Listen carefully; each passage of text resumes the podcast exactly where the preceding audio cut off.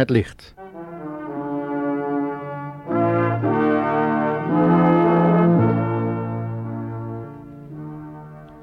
Het familieprogramma van de stichting Adullam in Curaçao voor geestelijke groei.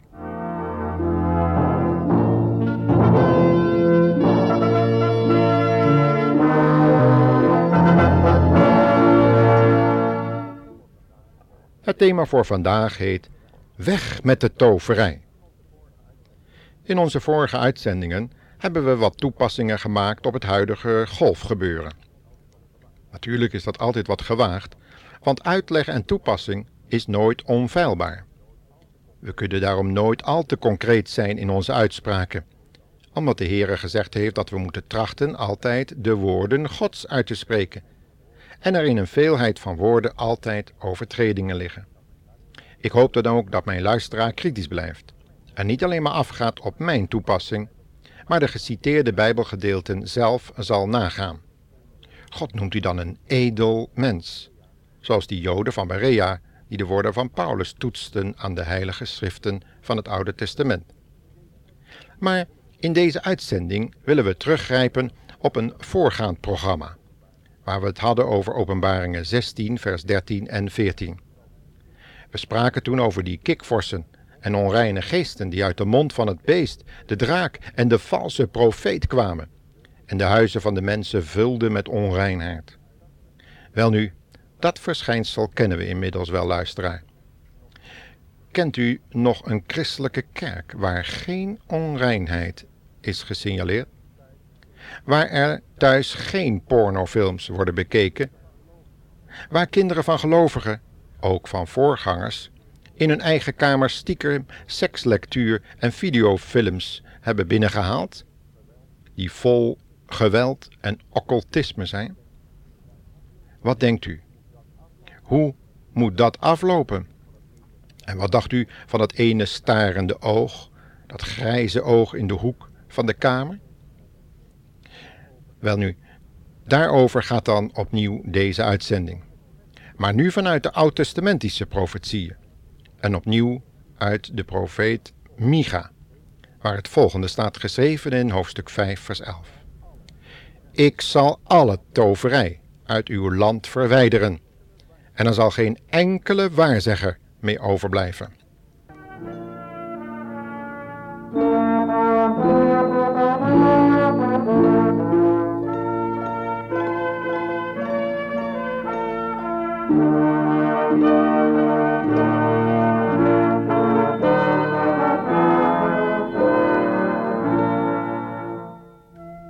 Wij denken vaak als we over toverij horen dat dat iets is voor onderontwikkelde volkeren. Maar wij, moderne geesten, hebben hiermee al lang afgerekend. Dit bijgeloof, ach, dat is voor domme, onwetende mensen. Maar wist u dat Paulus die vrome en wettisch gezinde Galaten beschuldigde van toverij? U kunt dat lezen in Galaten 3, vers 1, waar hij schrijft: O gij uitzinnige Galaten, wie heeft u betoverd dat u de waarheid ongehoorzaam bent geworden? Waarzegging lijkt op zichzelf heel onschuldig. Die waarzeggende geest in Handelingen 16, vers 17, die sprak immers toch ook waarheid? Tenminste, dat denken we. Maar die waarheid, die die waarzeggende geest daar sprak, of leek te spreken, waar was die op gericht? Op het woord van God? Of op mannen als Paulus en Silas? Zelf heb ik meegemaakt dat er een tovenaar in Amsterdam enkele van zijn leerlingen had gezegd dat ze er goed hadden aangedaan om de Bijbelstudies te volgen. Maar hij verlegde het accent van de waarheid en van Christus regelrecht naar de persoon die de Bijbelstudies gaf. En dat is iets wat de Bijbel toverij noemt. Iets wat tot scheuring kan leiden. Herinnert u het zich nog, waar Paulus zijn brief mee moest beginnen aan de Corinthiërs? Die hadden gezegd: Ik ben van Paulus en ik ben van Apollos. En een ander zei: Ja, maar ik ben van Petrus. En weer een ander zei: Ja, maar wij volgen Christus. Met uitzondering en uitsluiting van de mannen die God tot apostelen had uit aangesteld. Ja, het gevolg is dat deze Bijbelkring waar ik het nu over heb, door manipulaties van boze geesten uiteen is gevallen en opgegeven moest worden. Het is verschrikkelijk. Maar ook de Galaten hadden een leer aangenomen die de nadruk legde op personen en het houden van bepaalde verbodsdagen en het herinvoeren van bepaalde rituelen uit het oude leven, wat we overal op het christelijk erf kunnen tegenkomen. Meestal Oosterse mystiek of voorouderverering. Hierdoor waren ze onder een geestelijke banvloek gekomen, zoals helaas vele christenen momenteel ervaren. Depressie, verdachtmakingen, manipulaties en gedachtekrachten met allerlei vormen van huichelarij en vroom bedrog, compleet met engelenverschijningen, wonderen en tekenen, horen bij deze vorm van toverij.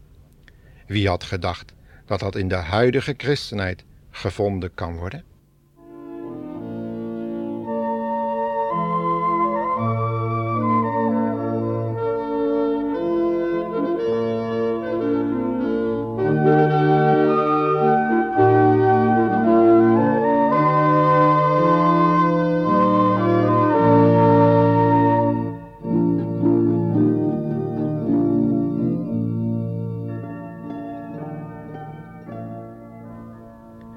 Wanneer de profeet Micha dan ook over de eindtijd schrijft, evenals de verbannen apostel Johannes, die eeuwen later op Patmos dit zou uh, zien, ziet hij opnieuw die verschrikkelijke invloed van toverij onder gelovigen. Bij het volk Israël had deze toverij tot gevolg dat ze gedeporteerd werden onder de vele volkeren. En pas na lange omzwervingen en na het wegdoen van allerlei vormen van afgoderij weer in hun land mochten terugkeren zou God een andere maatstaf voor christenen nu gebruiken, denkt u? Toverij wordt in het Nieuwe Testament de eerste beginselen van de wereld genoemd, omdat het de vrome invloed van duistere geesten van de onderwereld openbaart. In Noachs dagen had dit een demonische vermenging van menselijke en demonische geesten tot gevolg gehad. Iets waarover de zondvloed moest komen. En Paulus waarschuwde de Corinthiërs met de volgende woorden. Wat ik wil zeggen is dit. De mensen die zo'n afgod een offer brengen, hebben in feite een offer gebracht aan boze geesten en niet aan God. En ik wil niet dat u iets met boze geesten te maken heeft. U kunt niet bij de Heer aan tafel gaan en bij de boze geesten. Of willen wij de Heer tergen? Denken we sterker te zijn dan Hij? U begrijpt het al. We lazen voor uit het voor de christenen bekende gedeelte over het avondmaal en de tafel van de Heer Jezus, waar de apostel de gelovigen vermaande toch zich te heiligen voordat ze het avondmaal gebruikten. Met het oog op de vele zwakheden en ziekten, de perversheden en de verkeerde leringen in die gemeente, had hij besloten van een voorgenomen bezoek af te zien. Bovendien bleek hij verhinderd te worden ze moesten eerst maar eens orde op zaken stellen.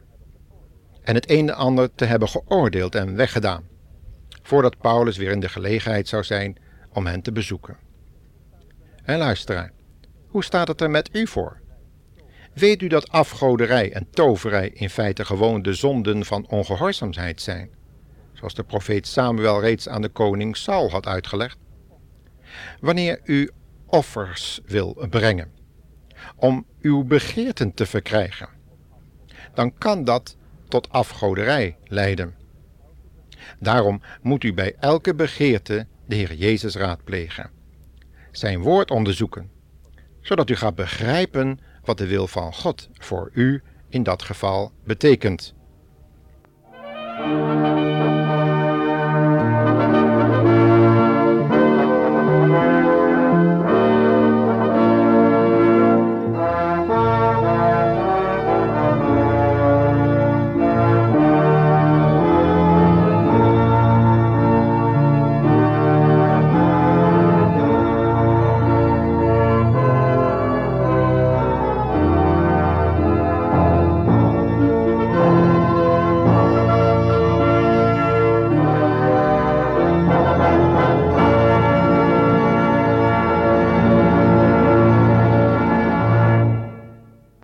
Pas daarbij op dat u niet naar de mening van mensen kijkt, want die denken heel verschillend over dingen waarvan de Bijbel heel duidelijk spreekt. Wanneer in de nabije toekomst Israël voor de heren uit de, door de heren uit de wurggreep van de demonisch geïnspireerde volkeren bevrijd zal worden, zal God zelf door de Heer Jezus het hele land zuiveren van beeldendienst. Ook de toverij en het geestelijk overspel zal worden weggedaan. Kort geleden vertelde een verontruste gelovige mij dat ze bij een werkbezoek aan Israël het niet langer meer kon uithouden in een bepaalde kerk. De Heere deed haar denken aan Ezekiel 16, waar de gevolgen van hoogmoed en onreinheid zichtbaar werden, nadat Gods genade en ontferming zich zo duidelijk had gemanifesteerd. Met enkele anderen vluchtten ze die kerk uit, om tot rust te komen bij het meer van Galilea, waar de Heere haar liefdevol troostte. Het land Israël moet wel een inval verwachten van razende bevolkingsgroepen, die allemaal hun eigen heiligdommen veilig willen stellen.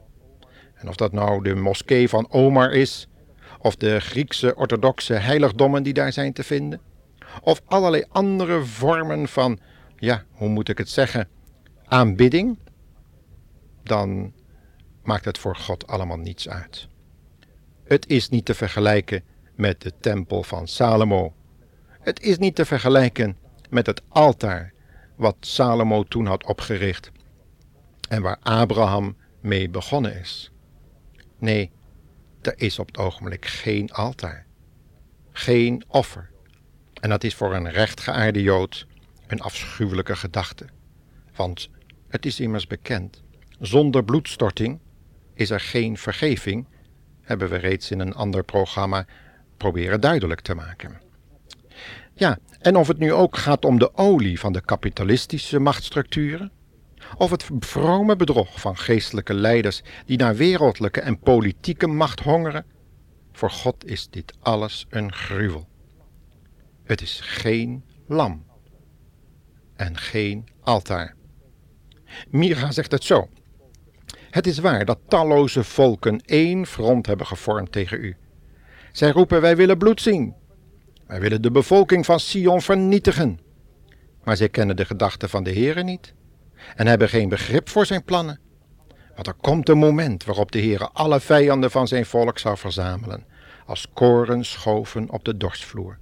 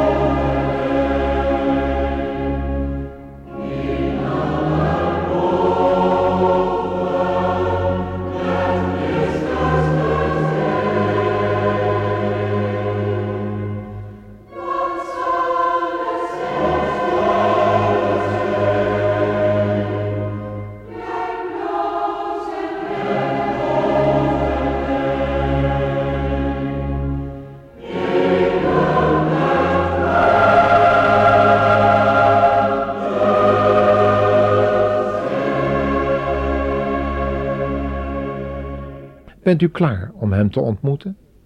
Dat kan vandaag nog gebeuren. En dan is het tot ziens in het vaderhuis.